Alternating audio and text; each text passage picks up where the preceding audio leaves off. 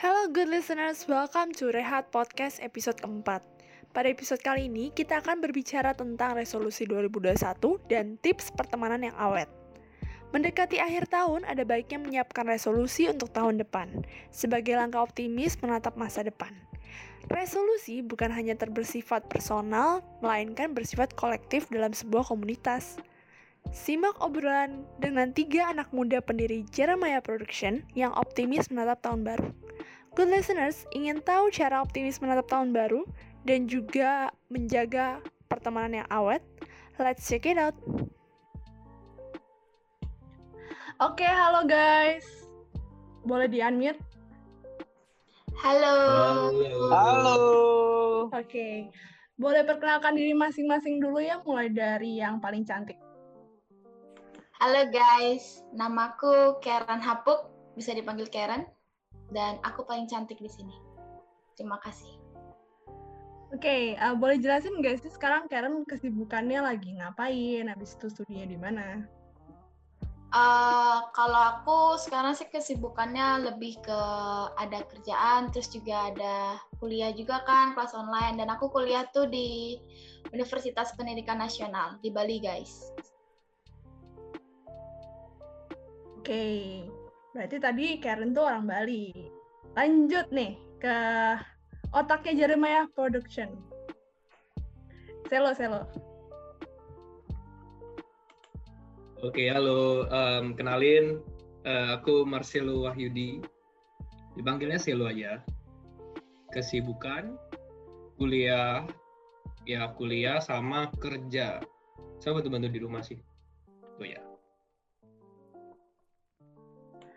Oke, lanjut nih yang terakhir ini adalah uh, Pak Ketua nih, kalau nggak salah, atau Ketua Marketingnya nih dari Jeremiah Production.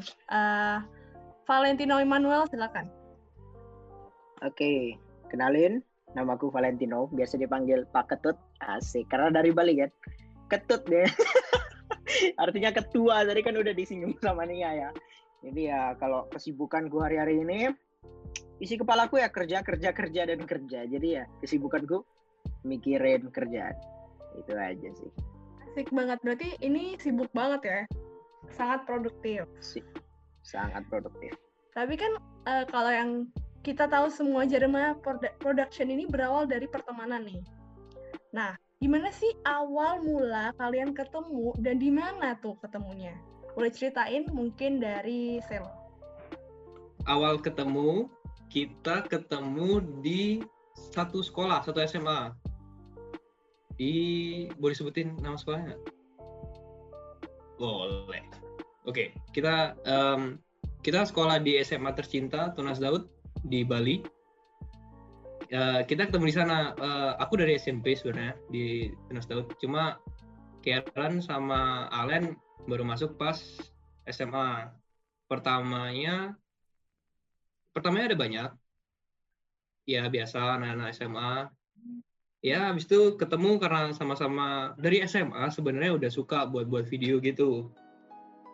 Ya puji Tuhan sampai sekarang kita berkecimpung di media.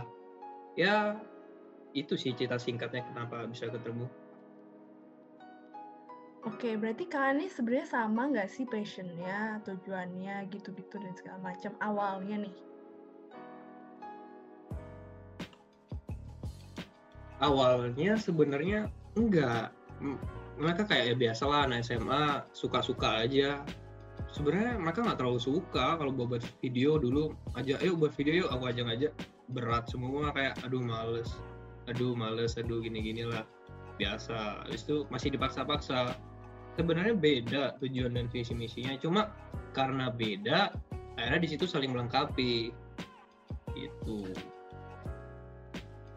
Oke nih, kalau gitu uh, boleh jelasin nggak sih sebenarnya Jeremiah Production itu apa dan ide dasar konsepnya itu seperti apa nih, Allen?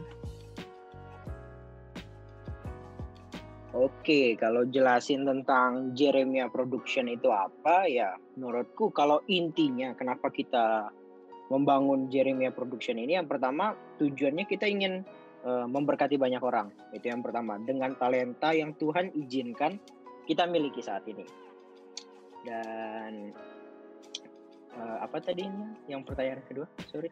Mungkin konsepnya terus cara kerjanya kayak gimana ya Len? Tadi kan okay, wow okay. banget kan mau memberkati sesama jarang banget tuh ada perusahaan yang kayak gitu atau usaha anak muda gitu. Sebenarnya konsepnya apa sih? Terus habis itu berkecimpung di dunia media tuh media seperti apa?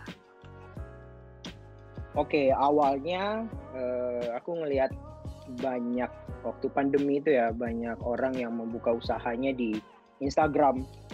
Mereka buka toko-toko online di Instagram. Nah dari situ uh, sebenarnya aku awalnya mikir kayak, wih kayak ini peluang juga nih kalau kita misalnya buka toko online kayak, nah buat apa gitu soalnya lagi booming kan. Tapi di sini kayak aku ngerasa, wih kita harus membuat sesuatu yang berbeda di sini. Kita mending menyediakan tokonya kasarannya seperti itu. Jadi seperti uh, kita sekarang Jeremia Production itu kita punya produk ya, kita bisa bilang produk itu di mana kita desain untuk fits store orang-orang yang berjualan di Instagram. Dan menurutku itu adalah peluang yang besar. Kalau kita mau memprediksi juga ya buat peluang usaha di 2021 ya menurutku itu bagus banget. Semua orang hari-hari ini uh, bertandingnya di sana, pasarnya di sana. Jadi semua orang buka store dan menurutku ini peluang yang bagus kalau kita investasi sejak dini untuk mempersiapkan uh, kasarannya kita bisa membantu untuk mempersiapkan toko mereka agar dilihat lebih menarik gitu kan sama calon konsumen mereka seperti itu sih. Oke, berarti kalian tuh nyediain jasa gitu ya antara desain feed, habis itu fotografi dan juga video. Dan ini keren banget loh teman-teman, karena mereka udah ngehandle tempat makan, bakery, tim e-sport, bahkan wedding juga company profile juga kan dan uh, ini ya ngehandle ya. Uh, boleh ceritain gak sih salah satu project yang paling besar yang kalian dapetin di masa pandemi ini apalagi? Oke, kalau untuk Jeremia Production ya, yang uh, project yang paling besar yang kita dapetin uh, di masa pandemi ini ya jujur e-sport. Kenapa aku bilang e-sport? Karena memang lagi booming banget, apalagi PUBG Mobile ya. Dan ya puji Tuhan juga kebetulan uh, kita dapat uh, satu tim e-sport yang di mana kita kelola tim e-sport ini dari kecil. Jadi waktu itu uh, dari tim e-sport ini ngajakin kerjasama bareng Jeremia Production. Waktu itu ceritanya mereka masih 500 follower gitu lah, masih 500 follower, 490-an lah waktu itu kita megang akunnya. Dan terus ya berkembang dengan waktu cuma dua bulan dan sekarang mereka punya follower 1980 sekian dan itu perkembangannya wow, wow luar wow biasa. banget sih itu, keren keren keren. Hmm Oke, tapi di samping itu apa sih sebenarnya suka duka dari kalian tiap tim ini nih? Uh, bekerja sama gitu dengan passion yang berbeda katanya tadi juga di awal. Uh, mungkin kalau suka duka nih lebih ke Karen nih. Boleh boleh. Uh, kalau kalau menurut aku ya suka dukanya tuh lebih ke karena kita sahabatan jadi kayak kadang tuh uh, mungkin dalam kerjaan tuh kadang bisa melibatin perasaan gak enak atau apa pun. Dalam untuk apa mengerjakan sesuatu terus juga lebih ke kadang juga ada miskom yang di mana itu kan sering banget ya terjadi dalam setiap perusahaan itu pasti ada miskomnya. Ya lebih ke itu sih karena kita bersahabat jadi kadang kalau kita mau kerja secara profesional tuh kadang masih melibatkan soal perasaan dan hati gitu loh dan mikirin juga posisi orang ini tuh seperti apa. Suka dukanya itu sih. Kalau untuk sukanya tuh uh, apa ya aku menurutku kayak lebih walaupun kita kadang suka berbeda pendapat berbeda pikiran tapi kita ujung-ujungnya satu. Kita sama-sama menghargai keputusan bersama. Jadi gitu sih. Oke nih tadi kan ngebahas perbedaan ya sekarang aku mau tanya nih ke Karen, sebenarnya persamaan kalian yang menyatukan kalian itu apa? Ini uh, kalau aku ya persamaan dari dulu yang kayak aku benar-benar udah deket banget sama Alan Selo tuh persamaan kita cuma satu. Setiap malam tuh dulu kita suka main game. Udah. Itu doang.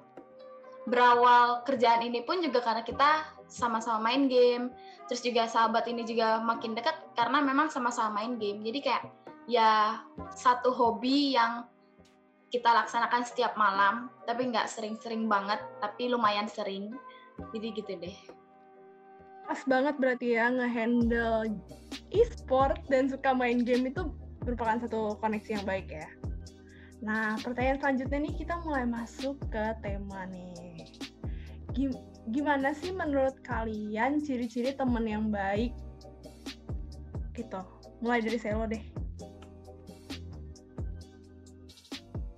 Oke, kalau teman yang baik, um, ini deh, atau boleh dibilang sahabat sahabat sejati deh, gitu gimana? Lebih enak ya? Oke nah. oke, boleh deh boleh. Apa aja deh buat Selo? Menurutku kalau seorang sahabat sejati itu yang bedain ke, salah satunya itu bisa menerima. Karena um, orang yang enggak eh, nih ya menurutku kita nggak bisa cari orang yang sempurna. Mau di hubungan mau di sahabat ataupun keluarga. Jadi cari orang yang bisa nerima. Bahkan Tuhan sendiri pun datang ke orang-orang yang bukan sempurna. Jadi buat apa kita manusia harus cari orang yang sempurna jadi ya buat sahabat-sahabat sejati gimana mereka kita pun kenapa bisa bertahan sampai sejauh ini? Penerimaan. Mungkin nggak secara instan namanya berantem pasti ada bahkan sering. Sampai mau pukul-pukulan juga ada. Cuma penerimaan pengertian adaptasi itu yang penting menurutku ya. Di situ sih titiknya. Di mana ketika orang bisa menjadi sahabat sejati selalu ada juga itu penting Oke, tadi yang aku highlight sedikit adalah uh, sahabat tuh bisa menerima kekurangannya gitu ya berarti ya. Ya. Betul. Kalau kalau dari Allen sendiri kan ya emang tadi tuh uh, yang dikemukakan selalu tuh bener banget tuh. Kadang ada berantem juga. Nah, gimana sih sebenarnya cara kalian sebagai sahabat yang juga bekerja sama itu menyelesaikan masalah? Nah, gimana tuh Allen? Oke, kalau dari aku ya jujur aja yang di tim ini yang paling sering berantem dan yang selalu berantem, aku sama Selo. Jadi yang di tengah-tengahnya itu selalu Karen yang pisahin antara aku sama Silu. Ya di situ yang menurutku eh, berantemnya bukan dalam hal negatif sih, berantemnya dalam hal positif. Kenapa? Karena yang pertama kita tujuan bangun perusahaan ini kita punya satu visi yang sama. Menurutku itu yang penting sih buat sebuah tim. Kita punya satu visi yang sama. Berarti kita eh, mau nggak mau kita lewatin jalur yang walaupun beda pikiran ya tapi mau nggak mau kan kita bakal endingnya sama. Nah yang bikin aku sama Silo sering berantem itu di jalur itu. Menurutku jalur kiri lebih cepat tapi menurut Silo jalur kanan lebih cepat. Dan kita berantem sebenarnya uh, kasarannya nggak guna gitu loh karena satu visi kan. Tapi di sini kayak uh, yang kita tahu ya besi menajamkan besi dan manusia menajamkan selamanya. Jadi ya itu sangat berkembang berkembang sih di sini. Dan yang membuat kita bersatu dan lebih nyatu lagi ya karena ada gesekan tersebut. Jadi ya kalau mau bilang uh, kita ngatasinnya dengan cara gimana ya menurutku uh, ketika punya satu visi berarti kita saling ngerti oh maksud Celo itu baik dan Celo juga gitu ke aku oh maksud Ale ini sebenarnya baik. Jadi ya kita lama kelamaan udah sebenarnya satu hari aja sih kita berantem nggak pernah sampai berminggu-minggu atau berhari-hari itu nggak pernah selalu selesai hari itu Oke, berarti menyelesaikan permasalahan secara ini ya. Gimana nih caranya? Berarti Lem? Kalau untuk caranya menurutku sendirinya kayak kita saling ngerti gitu loh. Yang pertama kita punya satu visi. Terus yang kedua kita sahabat yang udah benar-benar saling kenal dan saling tahu.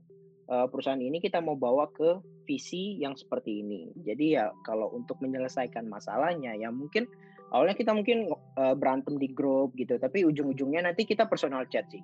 Kalau misalnya aku yang mulai jadi api duluan aku yang ngechat Celo duluan saya aku minta maaf ya gini gini kalau misalnya Celo yang mulai jadi api duluan Celo yang ngechat aku lain aku, aku minta maaf ya maksudku sebenarnya gini gini dan akhirnya udah seperti nggak punya apa-apa lagi seperti itu Wow, oke. Okay. Uh, eh, itu kan tadi dari sisi yang berantem ya tuh biasanya kan. Nah sekarang aku tuh pengen tahu dari sisi penengahnya nih sebenarnya uh, sebelum pertanyaan yang benar-benar real gitu sebenarnya capek nggak sih nengahin mereka gitu uh, Ren pressure nggak sih gitu? Ini jangan ini- terpengaruh mereka ya maksudnya jangan terpengaruh Iya, iya. mereka. J- tutup aja ininya layarnya ya. Iya, ini personal Kalau- aja. kalau aku sendiri sih lebih gimana ya? Eh, capek iya cuman kadang ya memang perlu gitu kan. Ada di satu sisi aku pun juga capek dengan eh, masalah personalku dan aku juga harus ngehandle mereka. Jadi ya posisi capekku ya cuma di situ. Di saat aku lagi ada sensitivitas sendiri dan aku harus ngehandle mereka di situ sisi capekku. Tapi selain dari itu eh, nggak capek sih. Karena apa ya eh, kalau kalau bisa dibilang kayak mereka pun juga punya kesadaran masing-masing. Aku cuma perlu ngingetin itu terserah lagi dari merekanya. Yang penting eh, satu hal yang kadang aku sering bilang eh, ke Alen kalau lagi berbeda pendapat sama Selo eh, kalau misalnya eh, Selo lagi jadi api kita harus bisa jadi air jangan sama-sama jadi api gitu sih lebih ke apa ya ya tak tahulah posisi posisiin diri kita masing-masing tuh di mana. Kalau lawan kita lagi jadi api ya kita harus ngalah untuk bisa mademin api itu. Itu sih dari aku ya. Untuk capek sih enggak, cuman ada kadang posisi aku lumayan capek dengan masalahku sendiri dan aku harus nge-handle mereka berdua gitu sih.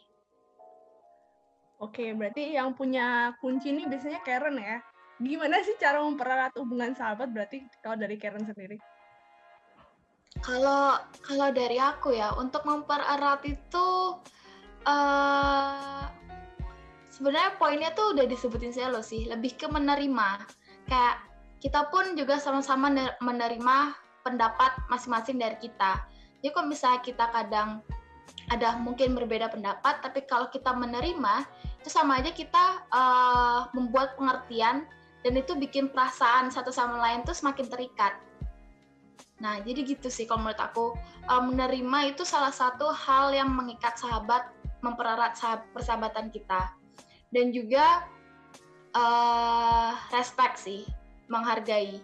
Itu itu perlu. Kalau misalnya kita walaupun kita cuma menerima tapi kita kadang nggak menghargai, itu bakal menyinggung hati sendiri sih. Jadi kalau menurutku menerima dan menghargai itu penting dalam persahabatan. Oke, nah aku pengen tahu nih, kan tadi itu sudah menerima dan menghormati kan. Nah sekarang kalau dari Alen nih sebenarnya gimana nih cara mempererat persahabat? Eh, kalau aku jujur lebih seneng bukan dibilang sahabat ya. Menurutku kita udah saudara sih. Karena ya Asik. karena se- karena ya apa ya setiap kali ada masalah kita nggak pernah lari ke orang lain kita nggak pernah cerita ke orang lain kita selalu cerita ke orang dalam kita sendiri nah di sini kan kita bisa lihat kan mana yang disebut saudara mau berantem sebesar apa ujung-ujungnya kembali ke saudara kita sendiri seperti seperti di Amsal 17 ayat 17 lah seorang sahabat menaruh kasih setiap waktu dan menjadi saudara dalam kesukaran. Jadi ya menurutku seorang sahabat itu ya menjadi saudara dalam kesukaran. Jadi kita nggak sekedar sahabat, tapi menurutku kita udah menjadi seorang saudara sih. Jadi saudara pasti saling ngerti sih kebutuhan sesama saudaranya atau sifat atau karakter sesama saudaranya. Oke nih Len, tapi em, aku juga mau nanya nih sebenarnya kan kalian ini ada surprise buat pendengarku kan. Nah boleh Iya. nggak sih reveal dikit-dikit gitu surprise-nya? Nah ini Alen jago nge-reveal surprise nih. Oke guys, jadi jangan lupa nih dengerin podcast ini terus karena di akhir-akhir atau ya di mana aja posisinya kalian harus dengerin uh, podcast ini karena kita dari Jeremia Production akan ngasih hadiah buat kalian. Hadiah apa itu? Stay tune terus ya di apa nih ya? Rehat Podcast. Mantap, dengerin terus dulu guys. Kita bakal ada surprise yang wah pasti bikin kalian tambah berapi-api nih. Jadi ya Oke. dengerin mantap. aja terus. Oke, kita lanjut kali ya guys ya. Ah, karena tadi Alen sudah banyak ngomong ya, mungkin kita cari yang sedikit ngomong tadi. Eh, Selo deh. Aku mau nanya sebenarnya kita kayak sedikit curhat-curhat juga nggak apa-apa sih. Kayak apa sih struggle yang dihadapin mungkin bukan dari Jeremia Production aja tapi secara pribadi selama 2020 nih kan kita ntar lagi 2021 ya jadi kayak jangan ada struggle yang kayak membebani kita untuk melangkah di 2021 gitu sih. Yap, yap, yap.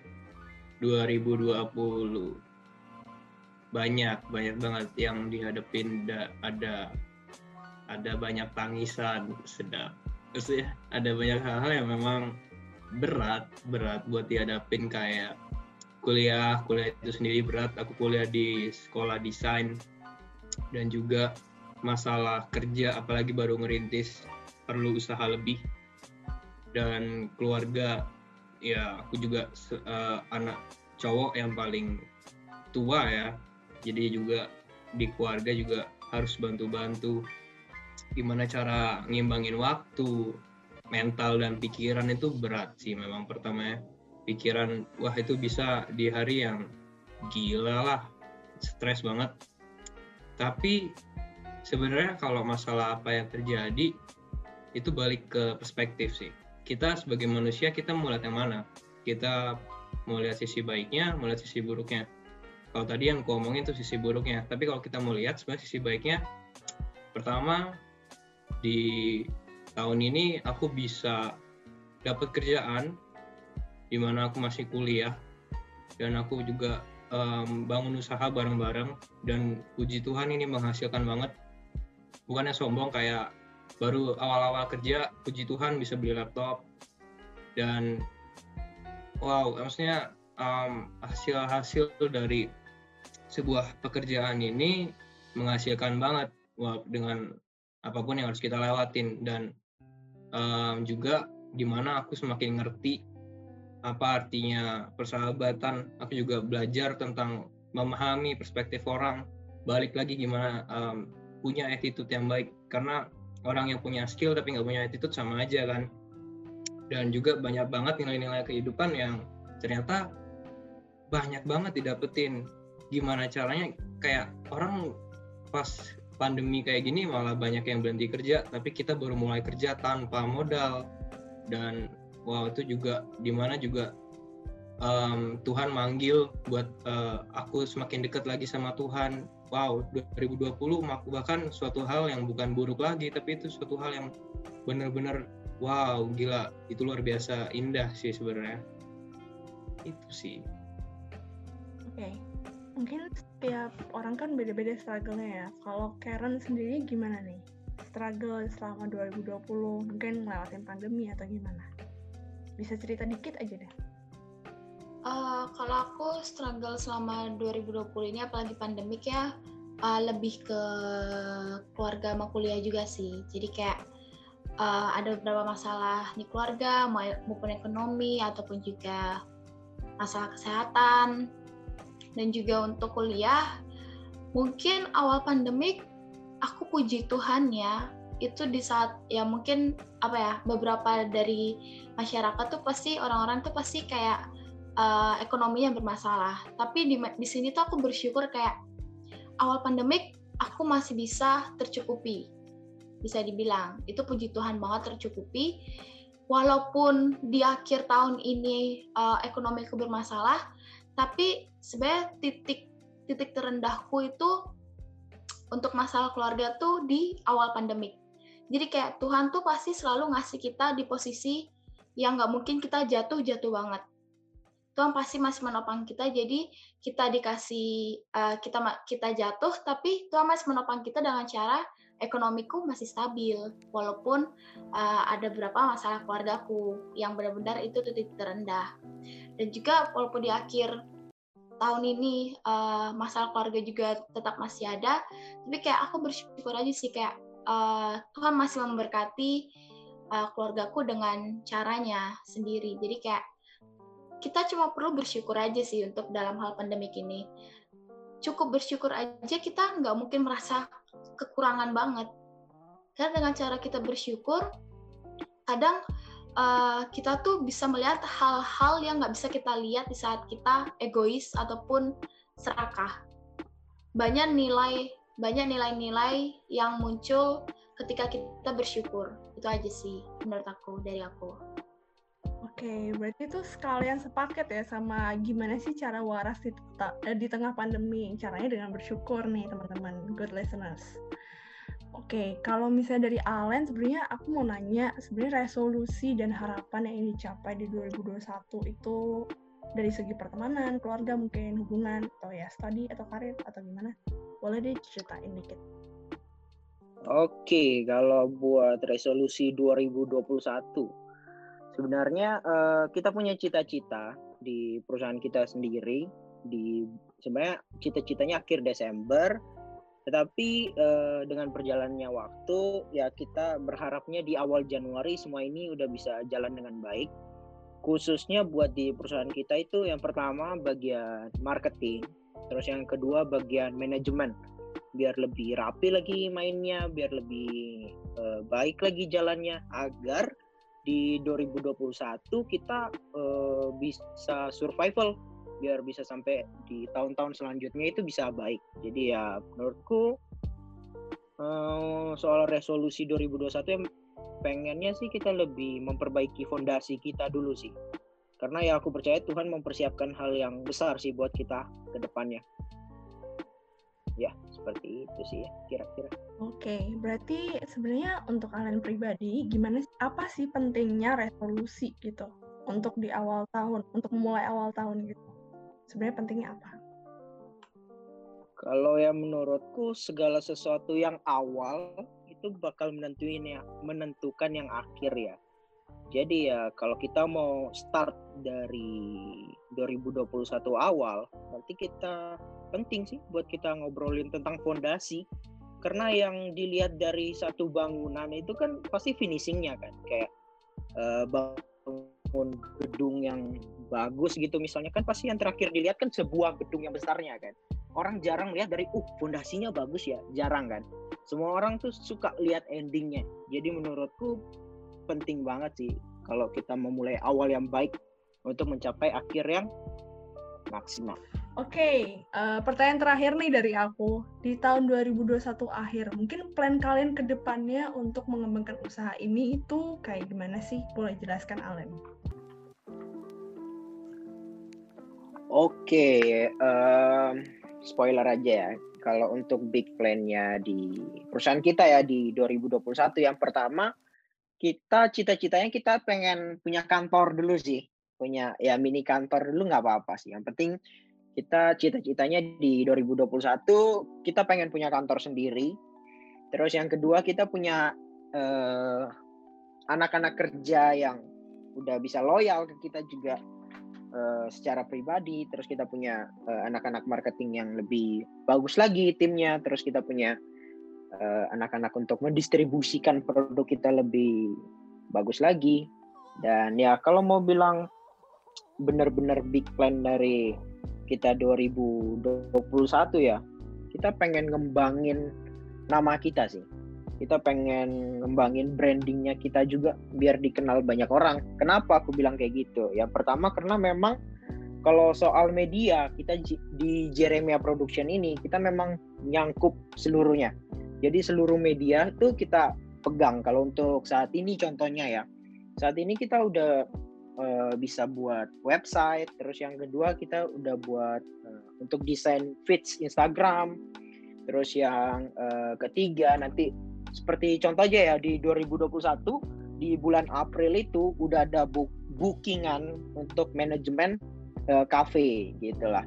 Jadi kita juga ada sediain uh, manajemen buat orang-orang yang mungkin mau buka cafe atau restoran. Di situ kita bisa juga. Terus kita ada foto, kita juga ada videographer untuk wedding atau apa pun juga. Jadi kita bergerak dalam semua bidang dan uh, kita big plan-nya di 2021 semua ini bisa berjalan uh, lebih baik lagi.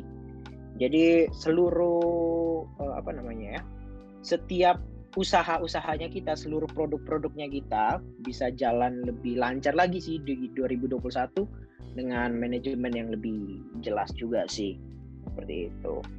Kalau perluasan ini nih uh, kalian maunya dibalik aja gitu atau kalian udah udah udah open buat orang Indonesia gitu? Oke okay, oke okay. kalau untuk perusahaan kita ya saat ini kita uh, kliennya nggak cuma di Bali aja ya kebetulan klien kita udah bahkan udah sampai di Aussie sih udah di Australia pun udah ada jadi ya udah kita udah nyampe ke sana sih sebenarnya jadi kalau misalnya ditanya di 2021 kita pengen kliennya ya nggak nggak hanya dari Bali aja sih pengennya dari seluruh Indonesia bahkan seluruh dunia wow baik keren banget ya Oke deh, Alen, iya. kita kayaknya perlu reveal nih tadi yang kita sudah janji-janjikan. Uh, oh, Oke. Okay. Boleh nih. Untuk apa ya tadi aku janjiin ya? Eh, untuk promo untuk surprise-nya buat pendengar-pendengar di Rehat Podcast. luar sana. Untuk Rehat Podcast ya betul sekali jadi kita dari Jeremia Production di sini kita ngasih surprise. Kita ngasih apa ya? Bisa dibilang apa ya? Sel bantuin aku Sel. E-voucher, kode promo. Iya, e-voucher betul. Kita bakal ngasih kode promo khusus untuk pendengar Rehat Podcast ya di luar sana. Oke, jadi gampang banget nih kita bakal ngasih voucher sebesar 50% diskon di wow. Jeremia Production. Wow. Yoi. Apa aja nih benefitnya Len? Boleh diceritain? Untuk benefitnya adalah yang pertama pasti bagus. Kalau penasaran, kalau penasaran langsung aja. Yang pertama ngefollow Instagramnya Jeremia Production. Terus yang kedua sertain hashtag Rehat JP. Iya, jadi waktu kalian ngefollow Instagramnya Jeremia Production di situ mungkin ada kontak person atau enggak kalian juga bisa melalui DM Instagram dengan kode hashtag Rehat JP di situ kalian akan mendapatkan diskon dari Rehat eh maaf dari Jeremia Production sebesar 50%. Jadi jangan lewatkan kesempatan ini. Gitu. Aja maaf ya kalau agak ngerusuh aku di sini. Oke okay, nggak apa-apa Len. Apa dan jangan lupa sabar belum selesai. Dan jangan lupa follow juga instagramnya Adonia Nai tentunya Oke deh Alin, terima kasih loh. terima kasih banget loh. iya, sama-sama nih ya. Oke. Uh, Oke. Okay kita mungkin tadi agak sedikit meninggi ya guys ya tensinya itu sekarang kita turun lagi turun lagi turun lagi mungkin bisa ceritain deh Selo dengan uh, tensi yang turun. Uh, sebenarnya uh, Jeremiah Production ini uh, kayak benefit benefit dari diskon yang tadi itu apa? Lalu jasa apa aja sih yang ditawarkan? Oke. Okay. lebih tenang ya. Lebih santai. Oke. Okay. untuk untuk kalau benefitnya di kita karena eh, kebetulan kita sebuah company di mana kita menyediakan media dan kebetulan media yang kita sediakan itu cukup luas. Kita ada di kita jadi sebuah usaha apalagi usaha baru cukup bekerja sama dengan kita dan penyediaan uh, resource atau apa pun yang mereka butuhkan itu bisa kita penuhi dari segi promosi segi desain, segi hal-hal um, yang mereka perlukan dari fotografer, videografer, editor, marketing, bahkan website juga kita ada, itu kebetulan kita nyediain semua. Kita di mana kita mau supaya um, setiap orang bisa mencoba usaha ini. Apalagi di pandemi semua orang harus buka usaha sendiri kan. Gimana kita mau membantu mereka biar mereka lebih gampang dan lebih cepat, lebih terarah. Dan kita juga kita menurutku yang membedakan kita dengan yang lain karena kita kita bangun sebuah hubungan dengan para klien kita di mana kita ngobrol sama mereka apa sih yang mereka mau. Kita juga ada keterbukaan dan otomatis kita juga menjunjung kejujuran di mana kita ya apa mau mereka kita bisa bantu apa kayak gitu-gitu.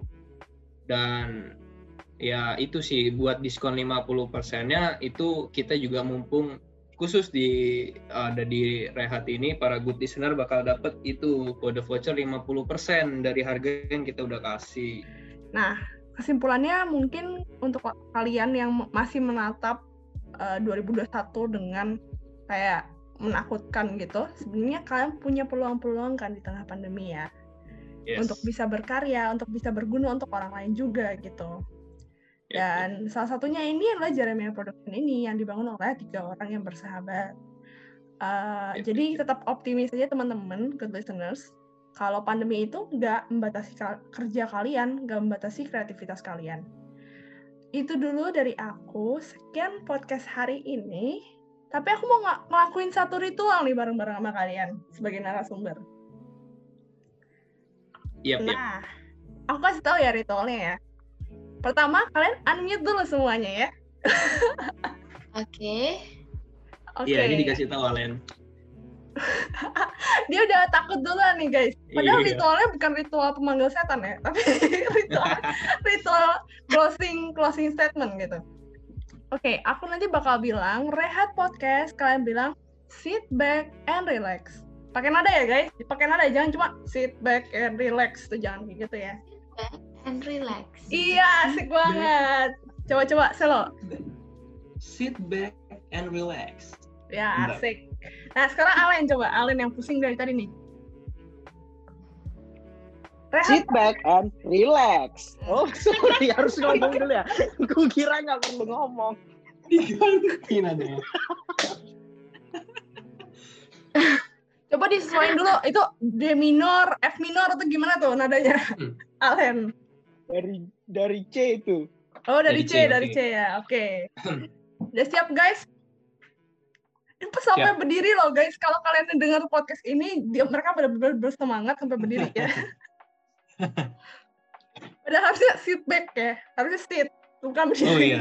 Oke, okay, oke. Okay. Siap. Oke. Okay. Udah siap semuanya? Oke. Okay. Rehat Podcast Sit, Sit back, back and relax. And relax. Thank you, guys.